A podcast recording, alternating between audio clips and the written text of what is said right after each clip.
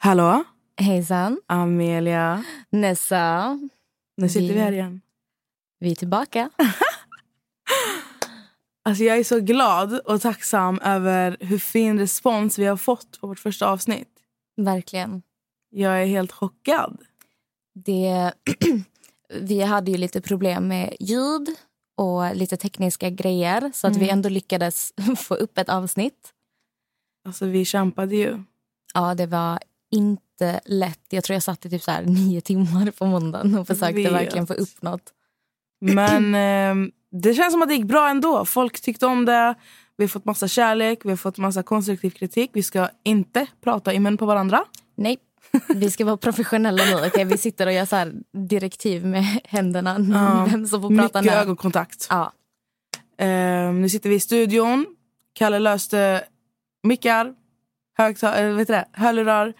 Så jag tänkte att idag, Amelia, ska mm -hmm. du få smaka på att bli, grill, bli, bli, bli grillad på riktigt. Alltså jag är faktiskt lite nervös. För jag har ju... Gud, jag kan inte ens prata. jag har ju sett lite frågor som har trillat in mm. på, äh, vår, äh, på, äh, på, vår, på vår Instagram. Mm. Och det är mycket saker jag aldrig har pratat om offentligt Nej. eller svarat på. Så att jag, är, alltså jag är faktiskt nervös över vilka frågor som du har valt ut. Det förstår jag. Men vi kan ju börja med att säga så här. Du har ju, eller du kommer ju nu prata ut om någonting som omvärlden inte vet om. Det är liksom bara få människor som vet om sanningen. Mm. Jag tror att många undrar. Och nu mm. har du valt att gå ut med sanningen. Ja.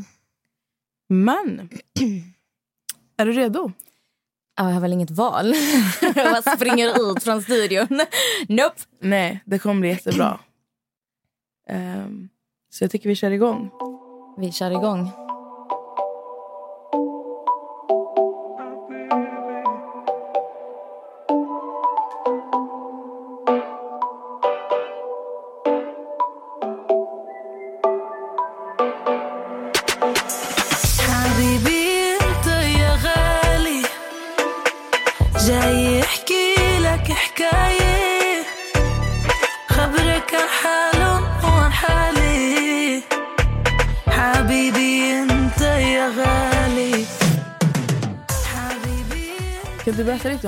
Ex on the beach. Alltså, hur går det till med ansökningar och med castingen och allt det här när man kommer in? Det var ju 2015 i, jag tror det var november som eh, min tjejkompis fick en idé att vi borde söka in till Ex on the beach. Mm. För det skulle bli en säsong två. Och det är klart att jag hade hört talas om Ex on the beach men jag hade aldrig följt programmet. Jag visste bara att det var väldigt många som kollade i säsong ett.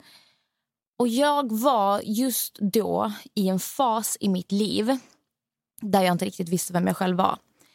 Jag hade precis gått ur ett långt förhållande. Mm. Jag hade precis fyllt 20. Och jag var verkligen så här... Ah, men om, om mina vänner så söker in, då ska jag också söka in. Så att egentligen så var det jag och en annan tjej som sökte in tillsammans, fast okay. separat. Mm. Och när jag gjorde den här ansökan, alltså jag gud vad jag skrev saker. Jag skrev så sjuka saker i min ansökan. alltså så här brutala grejer, för jag tog det inte seriöst. Alltså I min hjärna så fanns det inte en chans på miljonen att de skulle vilja ha med mig. 30 minuter efter jag skickat in min ansökan så får jag ett samtal från Ex on the beach. och det var Alltså det var så overkligt. Och det var, en, eh, det var faktiskt en tjej som hette Pernilla som också var från Skåne. Mm. Och Hon var så jävla underbar. Hon var så här... Ah, men tjena gumman! Oh my god, du är också från Skåne! Oh. Du mm. var så här, jätte, jättegullig. Och eh, De skulle åka till Malmö, för de, hade sån här, de brukar åka runt och kasta folk. Ex on the beach brukar åka till olika städer. De har till och med varit på Rhodos där de har event på klubbar där de castar folk. Och Hon bad mig komma förbi och sen komma på en riktig casting som man hade på eh, alltså typ så Radisson hotell eller vad det var. Jag sa absolut. Och eh, faktiskt så träffade jag Adde med produktionen redan kvällen innan min casting. Bara så här snabbt och sa hej, för han var med dem och castade. Mm. Dagen efter så gick jag på den här castingen.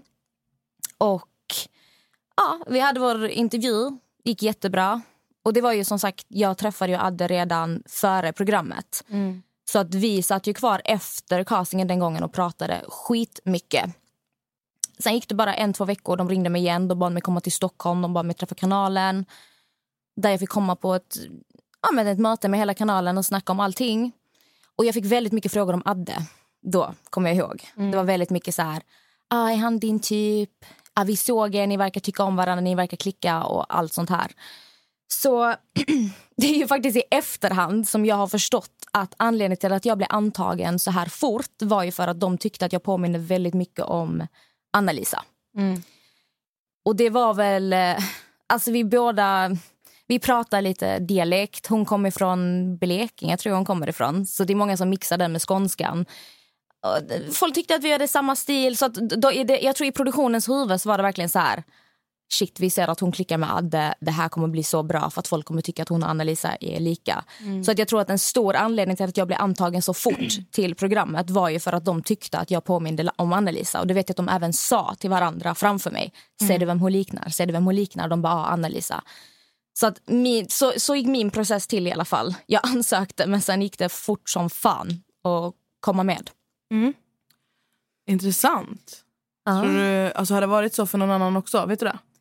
Jag har faktiskt ingen aning. Men jag vet bara att alltså, hela processen är ju att du, du ansöker, de ringer upp dig, du kommer in på casting och sånt här. Men jag får nog typ tacka Anna-Lisa för att de tog in mig. Tack Anna-Lisa. Det var på grund av att de tyckte jag påminner om dig. Så, så var det faktiskt. Hur var relationen med dig och Adde efter första säsongen? Bodde ni ihop? Eller alltså, var ni ihop? Nej. Hur, det? Nej, nej, nej, nej, nej. Alltså efter första säsongen, alltså vi träffades ju där inne och det var, de som har sett säsong två, de vet om att det var kaos. Ja. Och eh, vi, alltså vi träffades ju bara en, två månader efter, ehm, alltså efter programmet. Så det var inte så att vi bodde ihop, vi, bodde, alltså vi var ju från olika städer. Ehm, Men vadå, så åkte inte du till Stockholm? Jo, Och du träffade honom och var hos honom? ja men som att du bara träffar någon liksom. Ja. Så att eh, jag vill ju inte säga att vi var tillsammans. Nej. Absolut inte, utan vi träffades efteråt och det, det gick inte bra. Nej. Men eh, du och Adde höll ju på första säsongen. Mm. Men sen när Anna-Lisa kom in så höll han på med henne. Mm. Hur kommer det sig att så fort hon lämnade så gick du tillbaka till Adde? Alltså, det är så svårt att förklara för människor vad som pågår när, alltså vad som händer med dig när du går in i ett sånt här program, när du går in i ett hus. När du inte har tillgång till din telefon, du får inte ens prata med din mamma, du får inte prata med dina vänner, utan du är verkligen helt ensam. Och jag kände verkligen, alltså jag kände ingen där inne, det var ingen som kände mig, utan det är som att du blir inkastad till rovdjuren direkt. Ja. Och jag är en väldigt känslig person. Och det är ju så otroligt mycket som man inte får se på tv. Alltså det är ju... Ni får se 24 avsnitt på en säsong. Vi spelar in i sex veckor, så ni kan själva tänka er hur nerklippt det här är. Men jag kan ju bara säga att jag och Adde klickade ju väldigt fort där inne i programmet. Ja. Och han var som min trygga punkt där inne. Det, han har så mycket sidor som ni inte får se på tv. Vi hade jättemånga djupa samtal på nätterna.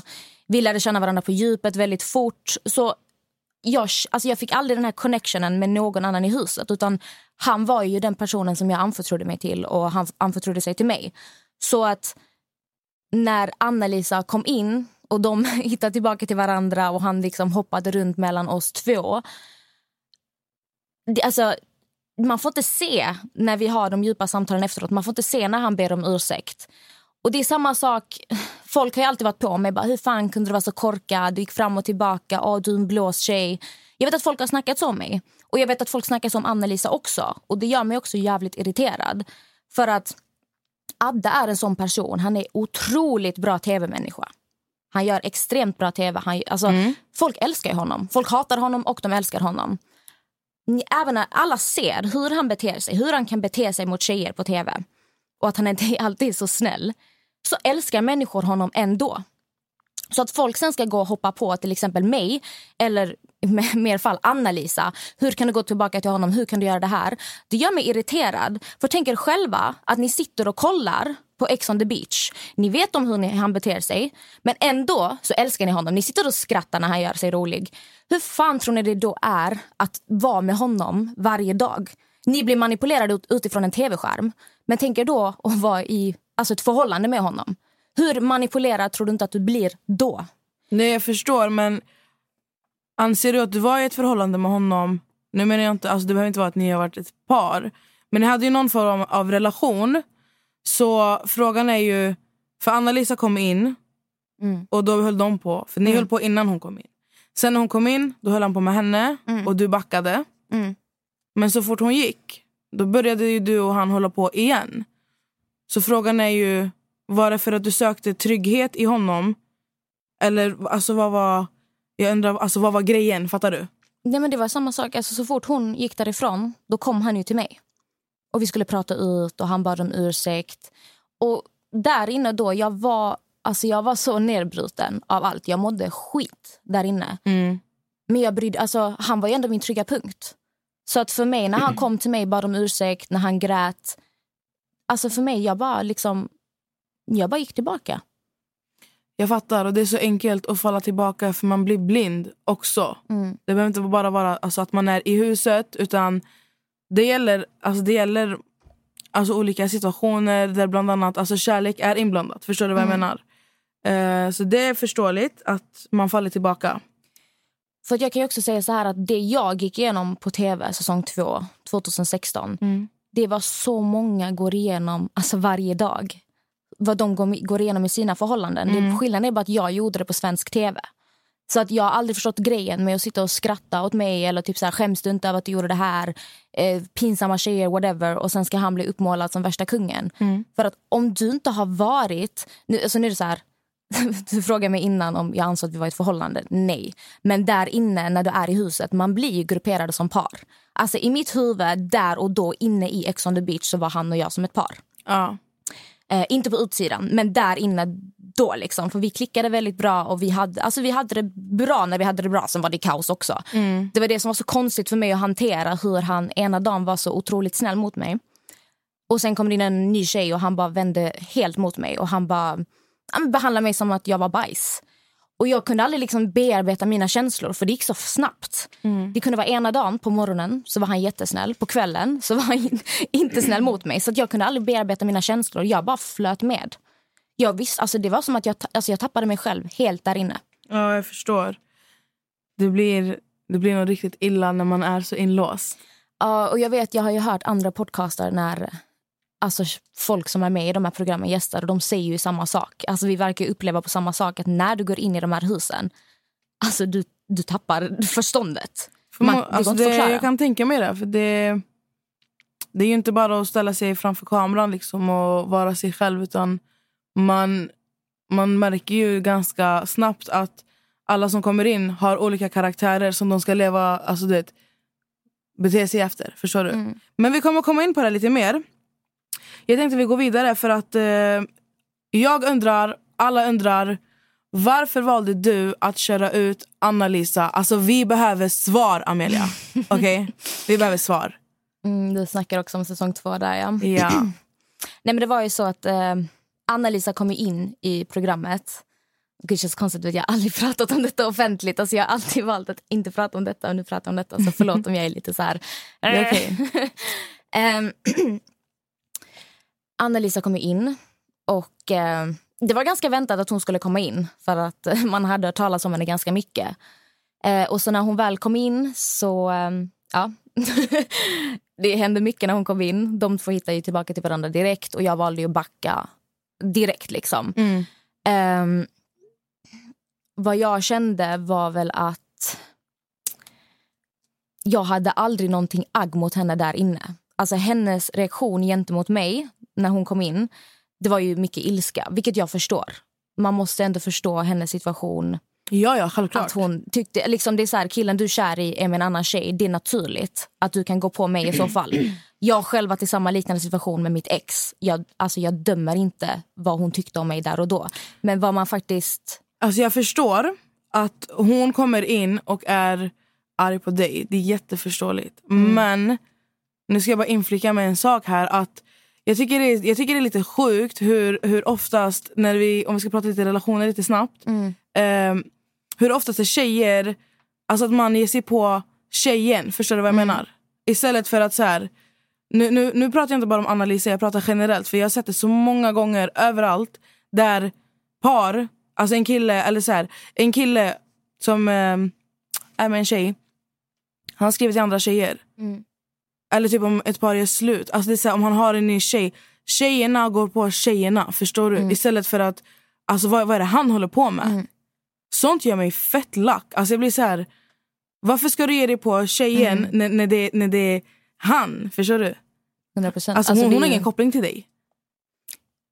det, är ju så, det är ju rätt. Alltså, det är ju fel att gå på tjejen. Men det jag försöker säga är mer att jag förstår varför hon kände agg mot mig. Eh, och därför i huset så hade jag inget, alltså jag hade inget agg mot henne. Trots att hon typ så här, hon gick på mig ganska hårt där inne. Eh, men jag hade aldrig det här agget mot henne för att jag kunde förstå var hon kom ifrån. Men för att svara på frågan varför Anna-Lisa skickades ut. Det man inte fick se heller det är faktiskt att jag och Anna-Lisa alltså vi kom bra överens till slut där inne. Alltså vi kunde prata, vi kunde skratta, vi kunde skämta med varandra. Men du skickar ut henne. Ja, jag skickade ut henne. Som aldrig förr. För grejen var så här, jag tror att det produktionen ville ha ut av när hon kom in det var ju att hon och jag skulle börja bråka.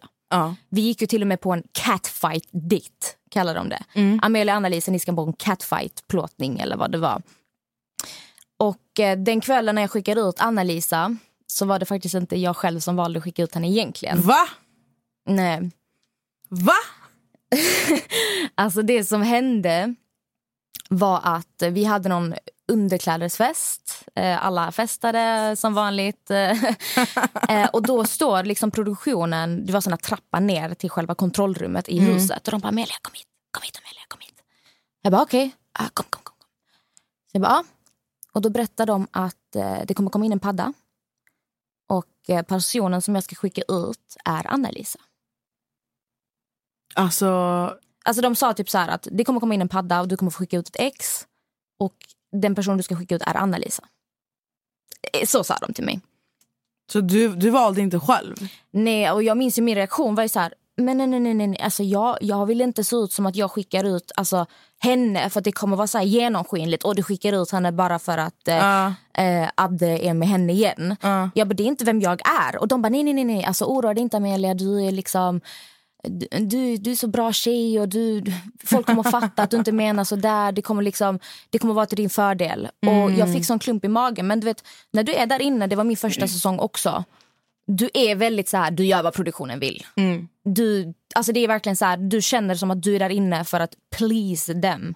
Det är därför många presentationer, intron så här kan vara jättekonstiga. Och det är oftast för att alltså produktionen kan trycka på vad du ska säga och vad du ska göra. Mm.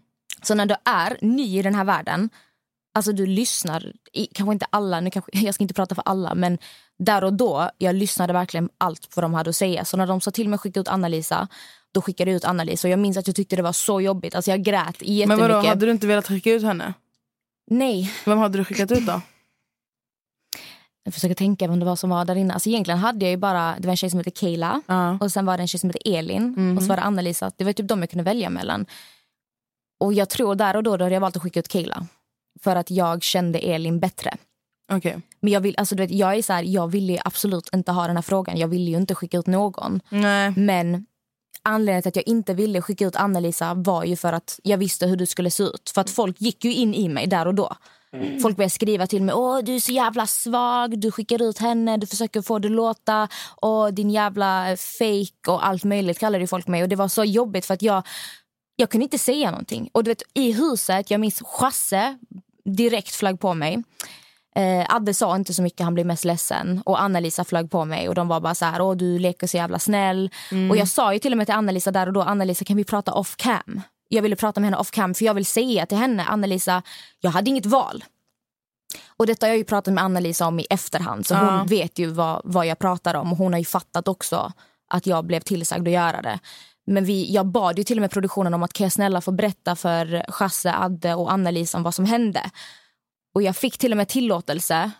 Men sen var det som att det blev aldrig av. Mm. Så att vi fick aldrig chansen att prata om det. Men det där är anledningen till att jag skickar ut Anna-Lisa för att jag blev tillsagd att göra det. Ett poddtips från Podplay. I fallen jag aldrig glömmer djupdyker Hasse Aro i arbetet bakom några av Sveriges mest uppseendeväckande brottsutredningar. Går vi in med hemlig telefonavlyssning och, och då upplever vi att vi får en total förändring av hans beteende. Vad är det som händer nu? Vem är det som läcker? Och så säger han att jag är kriminell, jag har varit kriminell i hela mitt liv men att mörda ett barn, där går min gräns. Nya säsongen av Fallen jag aldrig glömmer på Podplay. Shit, Amelia. Jag vet att ehm, du har suttit här och varit nervös över att komma ut med sanningen. Jag är fett chockad. Mm. Fast jag visste ju det innan. Ja, men, jag vet att du visste, men alltså, grejen är så här... Att prata om tillbaka på den här tiden, alltså allt drama, för det har varit så otroligt mycket drama. Och jag har alltid undvikit att prata om det för jag har inte orkat. Alltså, Men jag måste pausa dig där för att vi kommer komma in. Jag har frågor, okej? Så du kan inte, för nu annars kommer du bara sitta och svara på alla. Jag måste ställa mina frågor. Jag vill få svar. Mitt problem är att jag börjar prata så jävla mycket när jag väl börjar Så jag prata. kommer pausa dig ja, lite Du måste när du pausa börjar- mig när jag ja. pratar för mycket. Så, du måste berätta om dramat mellan dig, Josefin Kvist och Elin Woody. Vad Mm. var det som hände? Varför blev, alltså varför blev du, hamnade du i beef med, inte beef kanske vi inte ska säga, Nej, men. Det, blev, det blev en väldigt stor grej. Mm. Eh, och sen så reagerade även Philip Dickman på det, vilket blev ännu större. Mm. Ja. Eh, så det blev verkligen en viral thing på Instagram. Eh, så jag vill att du ska berätta för alla oss så att vi får svar på alla frågor. Amelia. vad det var som hände. som sagt, jag skulle inte kalla det en beef. Alltså, det var kanske mer ett slags... Eh, att de var lite klantiga, skulle jag nog säga mer. Eh, så här var det. Adde gästade i deras podd. De har ju en podd som de har tillsammans. Um, och tydligen så hade han kommit på tal om mig i podden. Och detta avsnittet släpptes ju för alltså, flera veckor sedan. Varav jag lyssnade inte på det.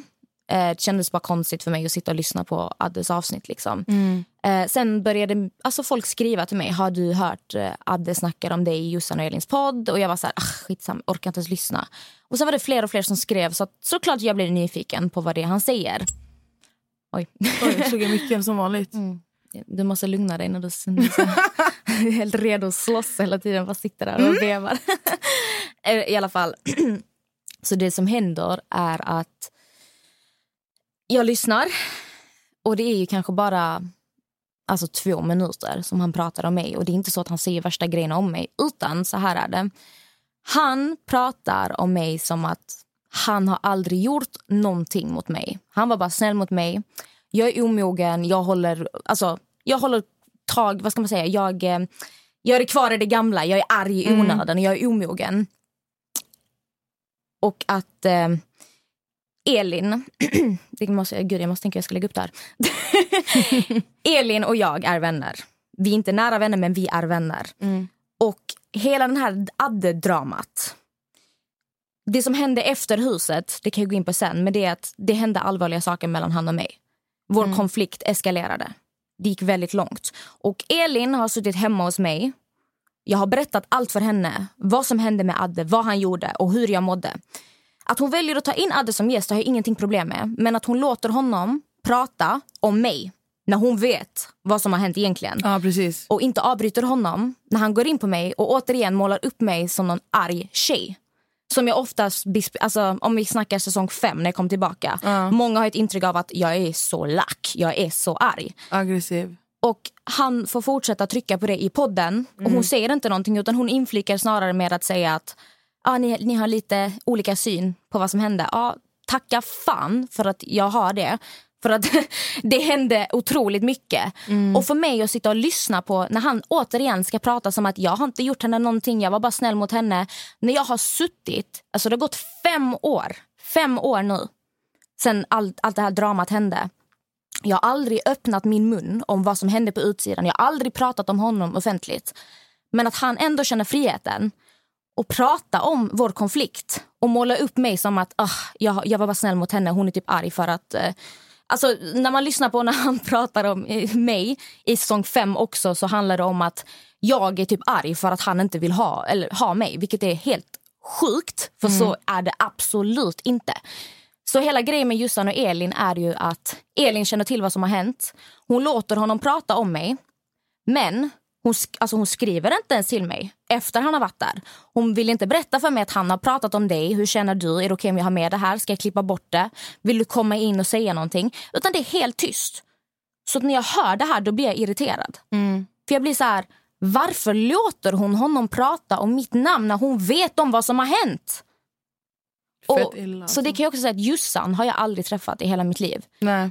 Eh, Vi har aldrig, alltså, hon, hon visste inte om det här, men Elin visste om det. Och Det var därför som jag offentligt gick ut och kritiserade liksom att, ni, alltså, att han sitter och pratar om mig när jag inte är där, när vi har en mycket större konflikt. Det här är inte bara en konflikt mellan deltagarna som handlar om något som har hänt i programmet. Utan detta ha- handlar om saker jag har valt att aldrig prata om offentligt. Men att han ändå sitter och har mitt namn i sin mun. Och det är ganska provocerande att hela tiden behöva vara tyst. Hela tiden ska jag vara den större personen som inte ska berätta om vad som egentligen hände för att jag inte orkar dra mig. Jag vet inte om han har blivit bekväm med att jag aldrig öppnar min käft. Men nu, jag är, alltså jag är trött på att bara sitta och bita min tunga och gång på gång på gång ska jag bli utmålad som att jag är arg. Jag är problematisk när det absolut inte är så. Så om vi ska gå tillbaka till saken med Elin och Jussan så är det att Elin känner till vad som har hänt. Hon ger honom utrymme att prata om mig på sin podd utan att säga någonting till mig. Jag skriver ju ut en story. Jag är lite arg. Jag lägger ut en story på min Instagram. Elin skriver till mig. Hon frågar är det mig eller är det oss du menar? Och jag säger ja det är det.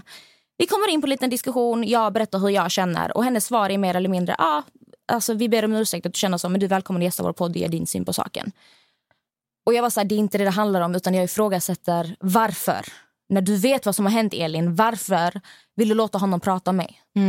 Varför? Du, du kunde bara klippa bort det. Alltså det, det. Det är inte så att avsnittet var värsta grejen om mig. Och ehm, ja, Jag fick bara mer och mer igen. Ja, men du får komma in och prata om oss. Du kan få prata om det på vår podd. Eh, och Det som händer då är ju mer att eh, Filip Dikman ringer mig och frågar vad är det som händer. För han ser min story. Och Filip känner mig sen way back. Alltså Filip har känt mig i fem år. Det är inte många som känner till det men jag och Filip Dikman har... Alltså vi har varit vänner under en längre period. Så han har ju varit där när jag har mått som sämst. Han har varit där när jag mådde skit efter programmet. Och han väljer då att prata ut på sin story om den här situationen. Att han tycker det är fel att Elin som min vän väljer att alltså, låta honom prata med mig på sin plattform och eh, trycka ner mig. Ja. Så att det som också störde mig blev väl att när väl Filip skrev ut det här och detta blev som en bomb. Alltså när Filip Dikmen gav sig in i leken, då exploderade. Då började de be om ursäkt. Eh, de tog bort avsnittet, vilket de absolut inte hade behövt göra. Alltså, det var ingenting jag bad om, så att ingen tror att jag har tvingat dem att ta ner avsnittet. Utan, Nej, men de fick väl någon form av typ hatstorm kanske efter, eh, efter det Filip, när Filip la ut videon. Jag vet ju att när han, när han la ut videon, det var ju då folk vaknade till. Liksom. Vad är det som har hänt? Eh, för Filip pratade ju ut om väldigt mycket. Även om dig och alltså din situation. Ehm, så det bästa de kunde ha gjort för sig själva det är att ta, ta ner det där avsnittet. Faktiskt. För jag vet, de höll på mycket och de, de skrev ut ursäkter, de tog bort dem, skrev ut igen, tog bort, skrev ut igen. Eh, och sen så var det ju faktiskt så att dagen efter så ringde jag upp Elin för Elin bad mig ringa henne flera gånger. Och jag pratade med Elin om det och hon var jätteledsen. Hon var verkligen jätteledsen över vad som hade hänt. Ja. Men jag sa ju också till henne att jag, jag känner dig Elin. Elin är en jättesnäll människa. Jag vet ju om att hon har inte gjort detta för att hon ska såra mig på något sätt. Jag tror bara inte hon har tänkt så långt. Men eh, vi pratade, vi löste det. Jag ringde även upp eh, Josefin Kvist och vi hade ett jättebra långt samtal. Så att vi har ju löst det mellan oss. Det kan jag bara säga. Så jag vill ju inte att det här ska förstoras upp igen på något sätt. Utan jag vill bara förklara vad det var som hände. Ja. Men jag, Elin och Jussan, alltså, vi, vi har löst det. Det är inget agg mellan oss. Skönt. Ja.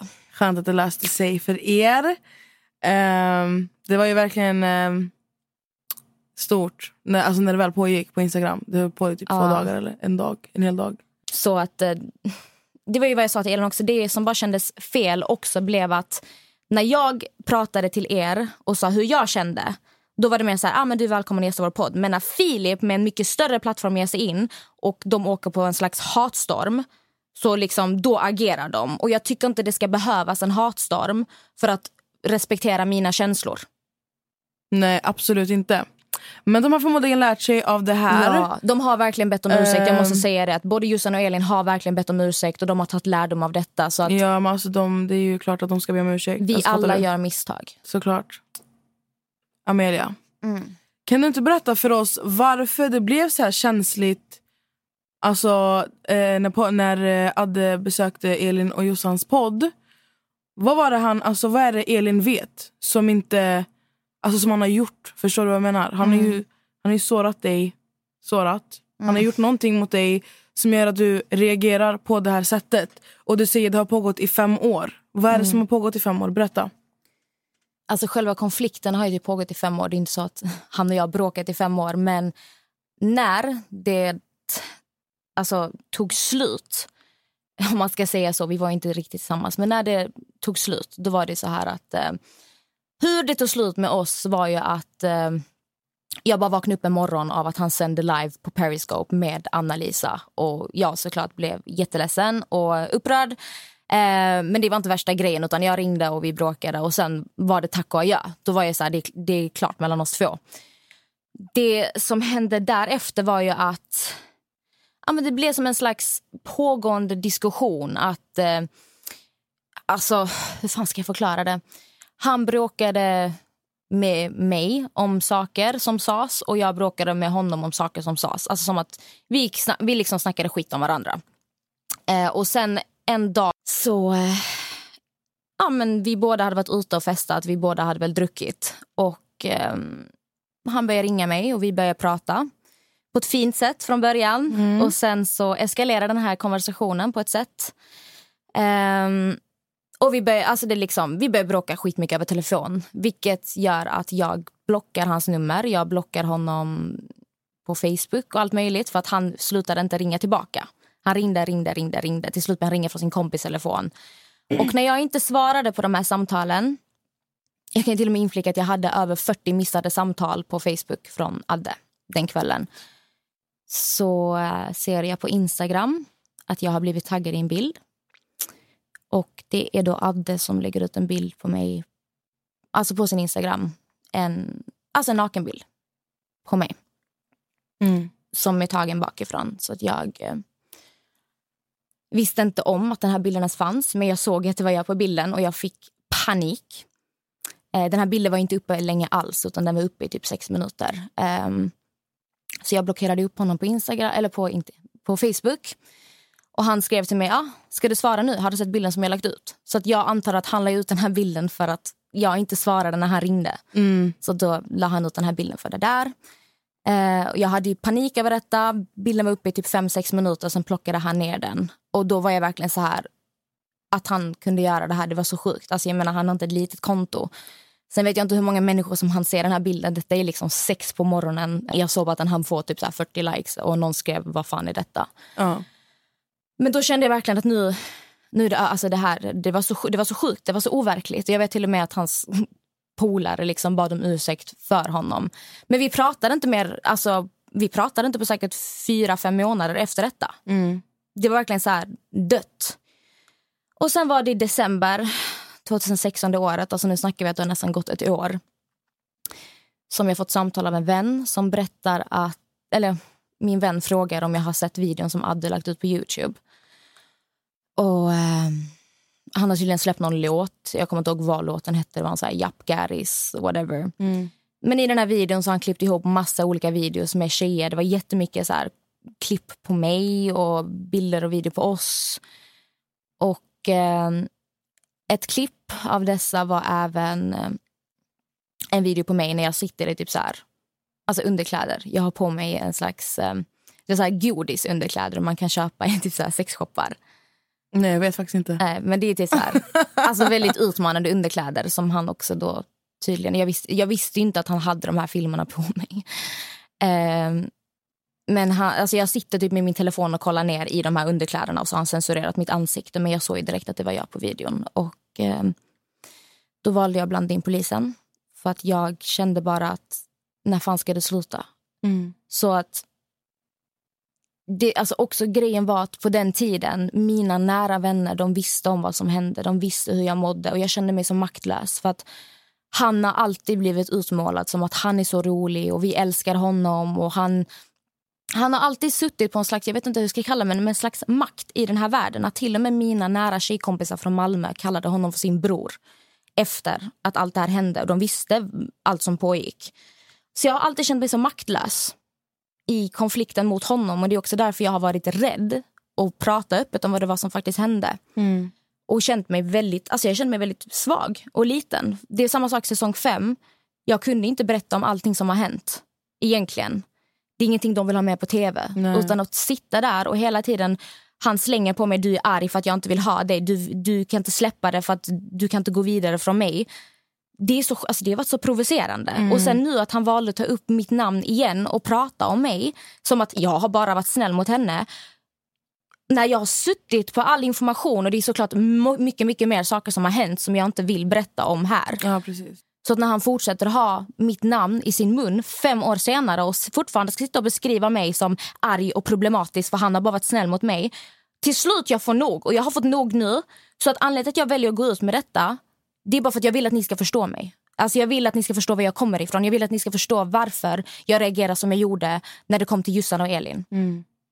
Som sagt, det är så mycket mer som har hänt som jag inte orkar gå in på. Det är bara onödigt.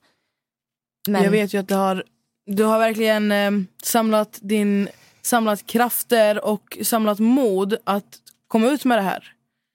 Ehm, Så jag tycker det är jättefint och jättestarkt av dig att öppna upp dig och äntligen berätta sanningen så att folk förstår. Och det är det som... Alltså jag blev ju typ lite rörd över att Filip Dikmen valde att gå ut och backa mig. För att i den här situationen så har alltså ingen har backat mig. Alltså även om folk har vetat om vad som har hänt. Jag har aldrig haft folk som ja, men har backat mig för att han har alltid varit adinator. Han är så rolig, han är så charmig. Men jag tror inte det handlar om att han är adinator. Alltså, då har du bara haft fel människor runt dig helt enkelt. Ja, tackar Gud för att jag har nya vänner i mitt liv. Ja. Men eh, vad känner du Amelia? Finns det något mer att tillägga angående den här händelsen? Eller känner du dig klar? Nej, alltså jag, jag har inte så mycket mer att säga om det. För att jag tror att folk kanske nu får en klarare bild av varför jag har varit som jag har varit på tv och att jag har inte kunnat prata om detta öppet. Men det, det, är så, det är så viktigt för människor att förstå också att det alltid finns två sidor av ett mynt. Alltså det, och det är oftast, oftast i situationer när det kommer till alltså gamla förhållanden med alltså personer att det är alltid tjejen som håller käft och killen som är kung och boss och allt det här. Han sitter på tronen liksom. Så jag är fett stolt över dig Amelia att du, att du har gjort det här nu.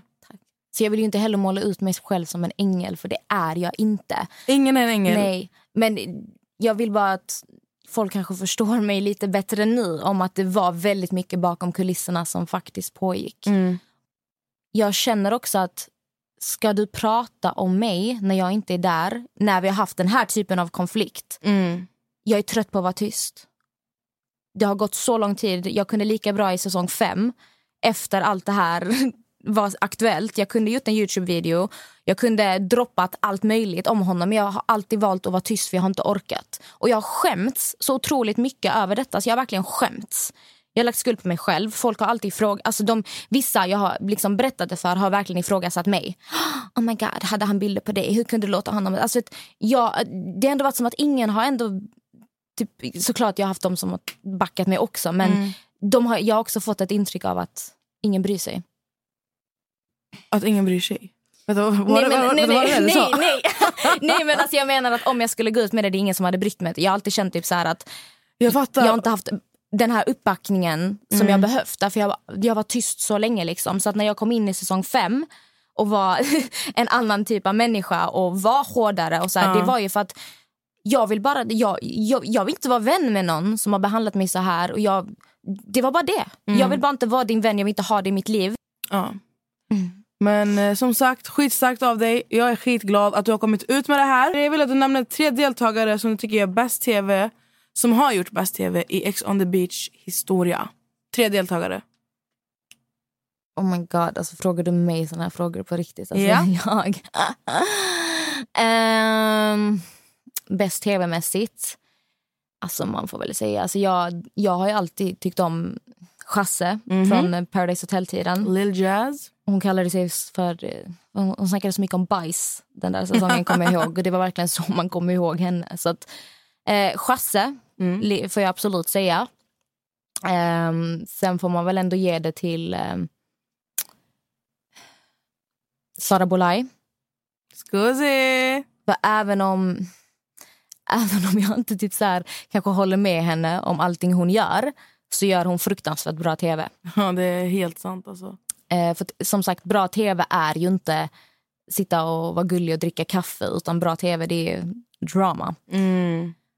Sen får man väl ta och säga... Gud, f- Gud vad svårt. Ja, men typ Nina. Nina. Jag, ty, alltså, jag tyckte att hon var grym den här säsongen. Så att, ja, men jag får väl säga de tre. De tre. Mm. Jag håller ju absolut med dig om eh, de två första. Och speciellt Sara. Scusi. Um, nu hör jag att det piper här. Brusa lite. Ehm, intressant. Amelia, Yes. du har ju varit med två gånger på Ex on the beach. Uh-huh. Det vet vi ju redan. Mm-mm. Eh, jag vill att du nämner två tjejer från din första säsong och andra, så säsong två och säsong fem Mm. Som inte hade behövt vara med. Alltså Som var helt onödiga. Det var så här, alltså vad gör ni här? Mm, Sätt er på båten och åk, och åk hem. Förstår du? Så. så. Gud vad svårt, det måste vara två tjejer. Uh, la, la, la, la, la, la, la, la, la. Gud. Ehm, om vi kollar på säsong två. Alltså det man kommer typ inte ens ihåg människor. Alltså... Men som inte hade behövt vara med. Tjejer. Men gud, alltså det här är jättesvårt. Nessa. Amelia, kör. Men alltså, jag, jag kan inte, alltså grejen är att de, de som varit onödiga kan jag inte ens komma ihåg.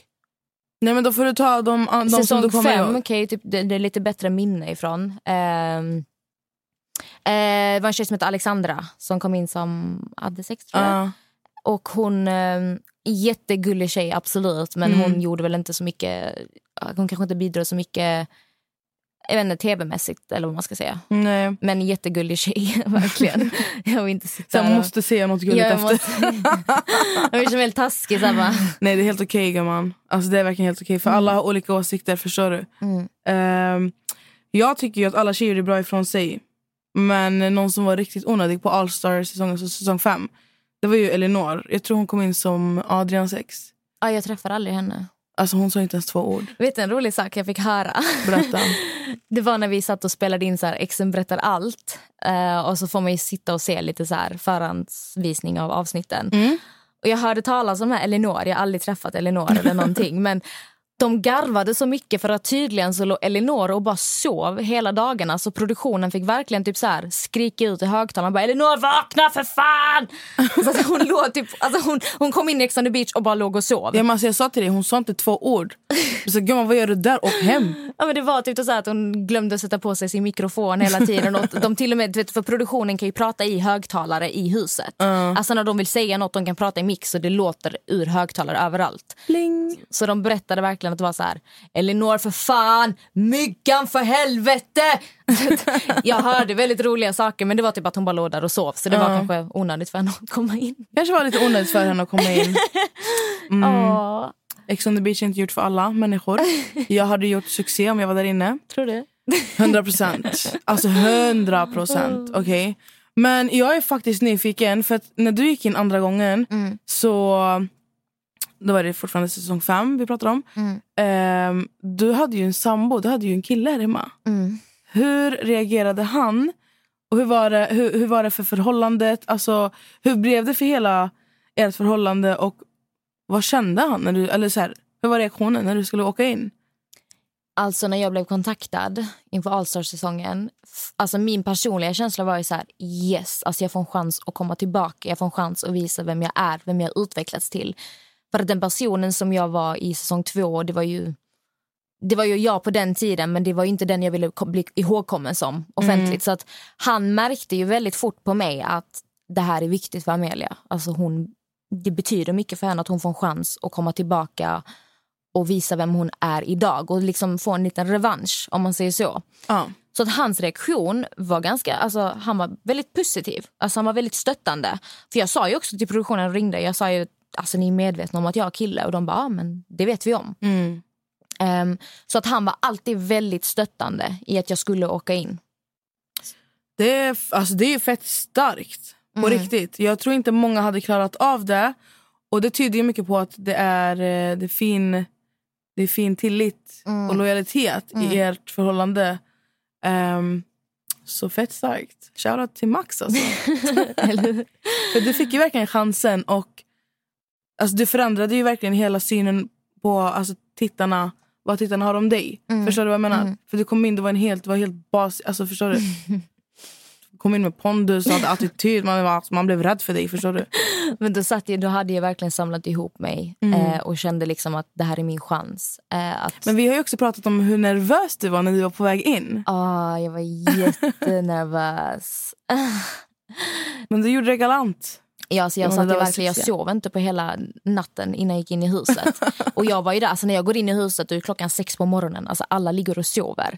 Och jag vet jag står och har typ så panik utanför huset och han som är deltagaransvarig är så här, Amelia, det kommer gå bra, ta det lugnt. Jag var så här, oh my god, jag satt verkligen och hyperventilerade. Ja. Men sen när jag väl gick in, då släppte det typ. Och jag satte mig vid poolen och de började spela så klassisk musik för att väcka alla. Men ingen vaknade. Alltså jag satt på den poolkanten i seriöst 30 minuter och bara lyssnade på samma låt om och om och om, och om Fan igen. alltså. För att ingen vaknade. Och jag, du då blir man så här otålig. Man bara, så kan de bara komma upp? Och då hörde jag till slut att någon bara, oh my god, din tjej där. Och så vände jag mig om och så var det någon kille som bara, det är Amelia! Så att eh, jag var så här ivrig när de väl kom upp för då har jag redan suttit där i typ så här 30 minuter. På tv så det som jag suttit där i typ så här 30 sekunder men det var typ 30 minuter jag satt och bara väntade på att folk skulle vakna. Jag hade ju börjat klättra på taket kan jag säga till dig. ja, men du vet, sen Hade ju ska man sitta, där i... Sen ska man sitta där och försöka se snygg ut också. Och så bara sitta där och svettas. Och det är fett varmt ute. Ja. Åh herregud. Nej tack. Ingenting för mig gumman. Jag hade gått och hoppat på dem som sover alltså. Jag svär. Men ehm, efter Allstar-säsongen så har jag fått höra lite att du och Anna-Lisa umgicks utanför... Alltså programmet. efter, Eller ja, utanför. Efter ja programmet. utanför. Ja. Nej men efter Ja. programmet. Mm. Hur kommer det sig och hur gick det till? Det är också någonting man inte fick se säsong fem. Det är att jag och Anna-Lisa umgicks varje dag. Men jag måste bara huset. fråga. För hon känner ju till det Adde har gjort mot dig. Mm. Så hur, hur blev eran relation alltså efter, efter programmet, efter säsongen? Mm, Liksom, När ni kom hem? Nej, alltså, när jag väl kom in i programmet, som man inte får se, det är ju att jag och Anna-Lisa umgicks varje dag. Alltså hon var verkligen den som tog, alltså tog in mig i gruppen. Och hon var, alltså det var som att hon var glad att jag kom in. Eh, vilket var väldigt. Du kände, vet, Jag var ju beredd på ett helt annat bemötande från Anna-Lisa i och med att det har varit så mycket i luften. Eh, men jag har ju aldrig haft någonting emot henne utan det första hon gjorde där inne var faktiskt att be mig om ursäkt för eh, vårt förflutna. Alltså? Ja, det var det första hon gjorde. Och hon var verkligen så här skitgullig mot mig. Hon bara direkt var, vill du låna bikinis? Vill du låna kläder? Kom hit. Vi sov tillsammans varje dag i huset. Det är också sånt man inte fått se. Så redan där inne så klickade vi, alltså vi klickade bra. För jag har väl ändå alltid känt med Anna-Lisa att ha, vore det inte för allting det här med Adde så tror jag att hon och jag hade kunnat bli skitbra vänner. Jag tror verkligen det. För att min uppfattning om henne är att det är en, alltså det är en sjukt bra tjej. Alltså jag tycker verkligen hon är en bra tjej. Och, Det är hon. Ja. Ehm, nej men så efter programmet, alltså vi flög ju hem tillsammans. Eh, vi bytte telefonnummer, vi snackade. Hon var hemma hos mig och käkade middag med Chasse. Eh, så vi hade lite kontakt eh, efter programmet. Mm. Eh, faktiskt. Så ja, det stämmer. Fett intressant ändå. Alltså, det, är ändå det är ändå coolt och så lite sjukt att se hur... Alltså, Du har en historia med hennes kille, hennes ex, whatever. Alltså det är ju den tiden då. Mm. Eh, och hur ni kan komma överens och sånt. Det är ju ganska fint Mm. att sånt finns. Men eh, jag är ändå lite nyfiken på att veta Amelia. ehm, vem fan är din favoritinfluencer och varför? Min favorit? Favorit? Ett poddtips från Podplay. I fallen jag aldrig glömmer djupdyker Hasse Aro i arbetet bakom några av Sveriges mest uppseendeväckande brottsutredningar.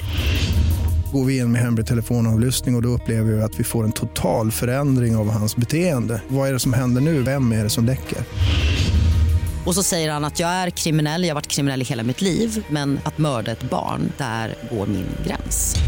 Nya säsongen av Fallen jag aldrig glömmer på Podplay. Alltså wow, jag är ju inte sådär... Alltså, jag följer väldigt mycket så här, träningstjejer. Ja men det kan vara vad som helst. Ja, det kan vara vad som helst. Ja.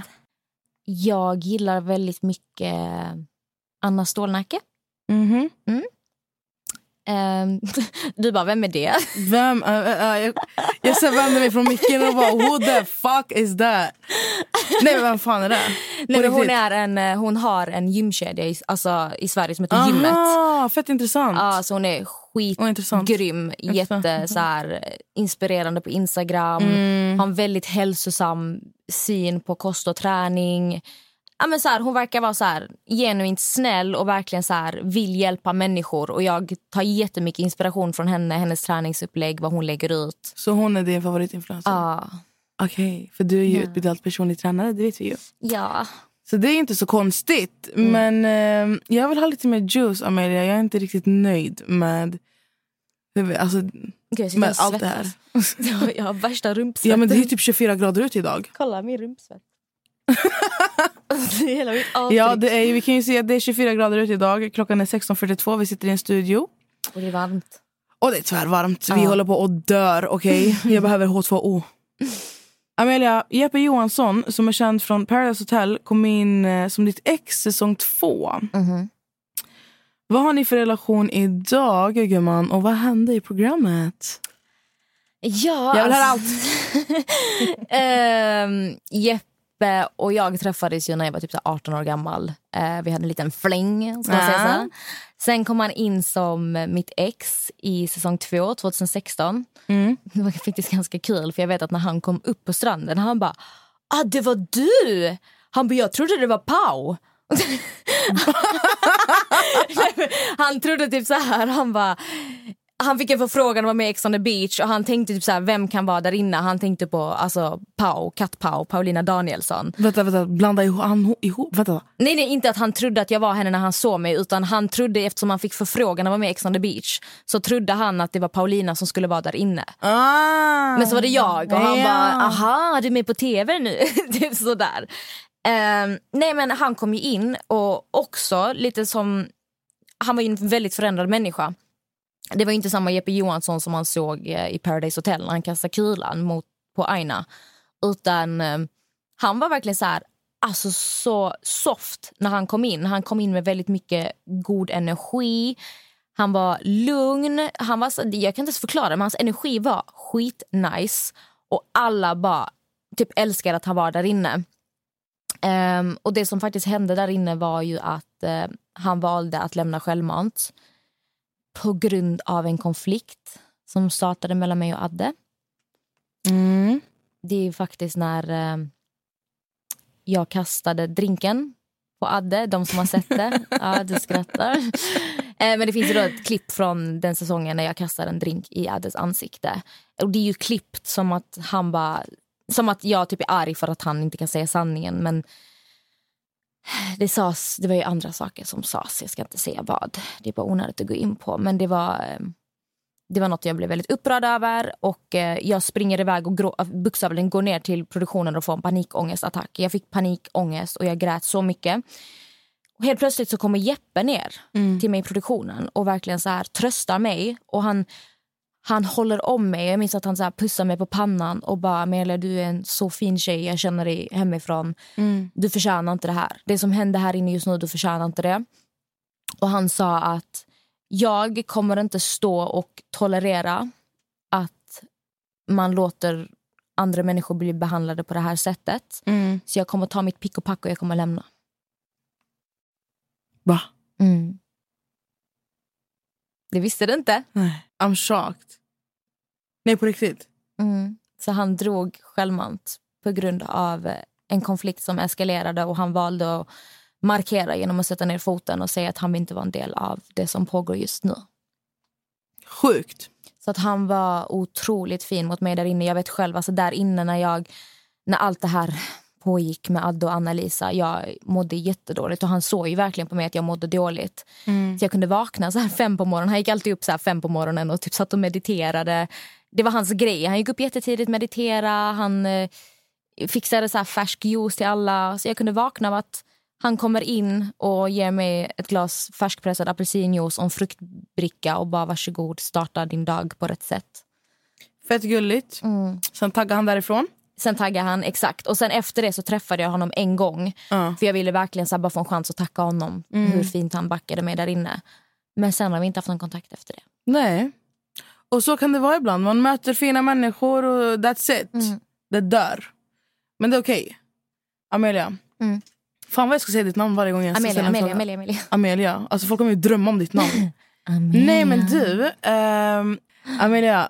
Mhm. Jag är skitstolt över dig. Jag är jättetacksam. Och jag tror att alla där ute också är tacksamma över att du har valt att öppna upp dig av ett väldigt viktigt och stort ämne. Mm. Som vi faktiskt eh, i något annat avsnitt kan gå vidare och prata lite djupare om. För Mm. att det blir ju lite... Det du har varit med om är ju lite psykisk misshandel. Mm. Faktiskt. Och eh, det, det, finns, det, det finns fortfarande i hem där vi inte ser. Förstår du? Nu har du talat ut vad som har hänt även fast ditt har varit offentligt om jag får säga det så. Ja, Ehm, offentligt fast ändå inte. Fast ändå inte. Ja. Eh, så jag är skitstolt över dig. Du eh, ska få en kram när vi har lagt på här. Ehm, är det någonting mer du vill tillägga? Innan vi avslutar här? Nej, alltså jag, alltså jag har verkligen pratat så... Det känns så konstigt för jag har varit... Alltså, jag har aldrig pratat om det här högt. Alltså jag är verkligen så här skitnervös över... Att- Responsen. Aj, alltså jag är jättenervös. Eh, Mm. Jag tror du typ hör på min röst också att jag typ kan break down and cry. Ja, men det... Jag förstår att det, det är en så stor... Det är så stor alltså förändring för dig. Eller fattar du? Mm. Du kommer ut med någonting som du har hållit inne så jävla länge. Och äntligen har du fått ordet. Mm. Eller så här, höjt din röst. Ja, alltså jag, har ju, Säger man så? Kanske? Jag har ju skämts så mycket. Alltså jag har varit rädd. Alltså jag har varit jätterädd att prata högt om detta. Mm. Ehm, men det är bara en del. Det är mycket annat som har hänt också. Mm. Och jag kände väl mest att nu när jag kom på tal ännu en gång i podden att jag vill få lite rättvisa. Självklart. Att det, det är typ därför jag vill bara att folk ska förstå mig, Mm. var jag kommer ifrån, varför jag är som jag är. Och att jag är inte en arg människa som går och håller saker inom mig. Och, utan det handlar väl mer om att jag började respektera mig själv på ett annat sätt. Efter, alltså, vi kan säga så här att jag lärde mig så otroligt mycket efter säsong två i Ex on the beach. Mm. Och jag har vuxit så otroligt mycket som människa. Alltså alla motgångar som kom där det, det gjorde mig till den jag är idag. Jag k- kände mig väldigt ensam, jag kände mig vilsen, jag visste inte vad jag skulle ta vägen. Det var en väldigt jobbig period i mitt liv, men jag växte ur det och jag skäms inte längre. Skit. Alltså det är ju det, är det viktigaste. Att man ska kunna vända något så negativt till något positivt. Mm. Och faktiskt alltså att man växer. Att man, man, att man istället så här, att man vänder det negativa till något positivt. Och istället för att se det som, som ett misstag, något man skäms över. Ta det som en, ta det som en lärdom. Förstår du? Väx, för- alltså väx Mm. i dig själv. Förstår du? Jag försöker mer se oss människor som att vi alla gör misstag. Självklart. mer eller mindre. Och vi, alltså det viktigaste är att vi tar lärdom och vi växer som människor. Mm. Att vi inte håller, liksom här, går och ska ta upp folks förflutna, vad de gjorde för fyra fem år sedan och trycka i varandras ansikten. Utan det viktiga är att vi som människor vi tar ansvar för våra handlingar Mycket viktigt. och vi blir starkare. I slutändan, vi är bara människor. Så att, Preach. Det är vi. Jag ser att vi har suttit här väldigt länge. Ja, men det, här, det här handlar ju om dig och jag vet att du, vi är inte ens halvvägs i vad du har att berätta. Men vi måste ju tyvärr avbryta här så att inte det blir för långtråkigt. Och så sparar vi lite till de kommande avsnitten där vi kan prata lite mer och lite djupare. Alltså nu har du ju bara varit en liten sammanfattning. Men vi kommer fördjupa oss mer i allting du har berättat. Eh, och tack till alla ni som lyssnar. Det är så jävla kul. Det känns som att vi är igång på riktigt nu. Mm. Eh, vi ska bara lösa allting med ljudet, mikrofonen, ni vet allt det här. Och sen är vi igång igen på riktigt, på riktigt. Fattar ni? På riktigt. Amelia, det är fett starkt av dig hur du har blottat dig idag. Mhm. Jag har ju märkt att du har fått lite, så här, inte voice crack, men du har lite, du är lite vad säger man, tung i halsen kanske. Ja. Gråten i halsen. Eh, för det är så extremt känsligt ämne för dig. Ehm, men jag är skitstolt över dig, på riktigt. Nej, Jag känner mig till och med... Alltså, förlåt. Jag är Men inte väldigt... Ja, hon sitter här och torkar sina tårar och jag blir helt, jag sitter andra sidan. Du är, du skit, alltså jag, jag får inte ens fram orden längre. Amelia du, men gud, man går det bra? Det är bra. Alltså det har varit svinkul att podda idag. Även fast jag inte har pratat så jättemycket Amelia så har det varit extremt givande och intressant att få höra på din historia. Mm. Du har äntligen valt att prata ut och höja, höja din röst. Höja min röst. Och eh, hon har ju faktiskt suttit och torkat lite tårar här, ska jag inte ljuga om. Ehm, jag, jag var så på andra sidan, för det är så två stora mikrofoner. Men jag ska ge dig en varm kram när vi har Ja. lagt på här. Känns det bra Amelia? Ja, men det känns bra. Mm. Det känns verkligen som att jag så här öppnat upp mig. Och jag tror jag blir så här krackig i rösten. Voice cracks. Ja, för det är så mycket gammalt Mm. som kommer upp. Hjärtat. Du får avsluta det här. Ja, alltså jag tycker hon har varit extremt stark som har talat ut på riktigt. Det här har ju pågått, eller hon har ju bu, alltså burit på det här en sån jävla lång tid nu och äntligen fått tala ut och berätta sin historia. Det var som jag sa tidigare, det finns två sidor av ett mynt. Så du ska verkligen vara stolt över dig själv. Jag är Ja. skitstolt över dig och jag vet att alla som lyssnar kommer få en klarare bild av hela situationen. Mm.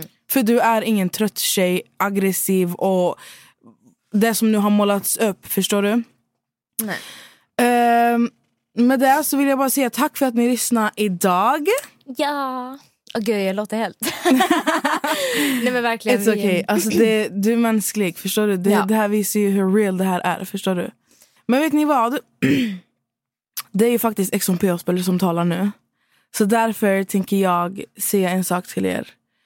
Det är att en person vi har nämnt mycket i dagens podd kommer jag att avslöja nästa vecka. Så ni ska hålla utkik på exxonpspoiler.se, min, min Instagram.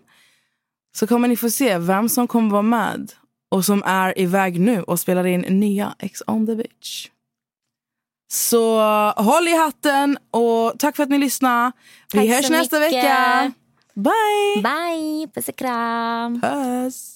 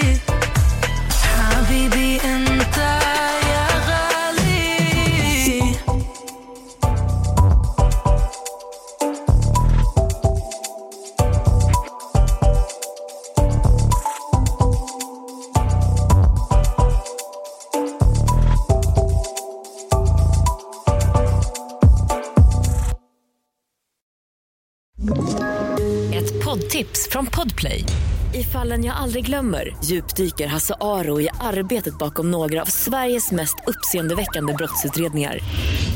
Går vi in med hemlig telefonavlyssning och, och då upplever vi att vi får en total förändring av hans beteende. Vad är det som händer nu? Vem är det som läcker? Och så säger han att jag är kriminell, jag har varit kriminell i hela mitt liv men att mörda ett barn, där går min gräns. Nya säsongen av Fallen jag aldrig glömmer på Podplay.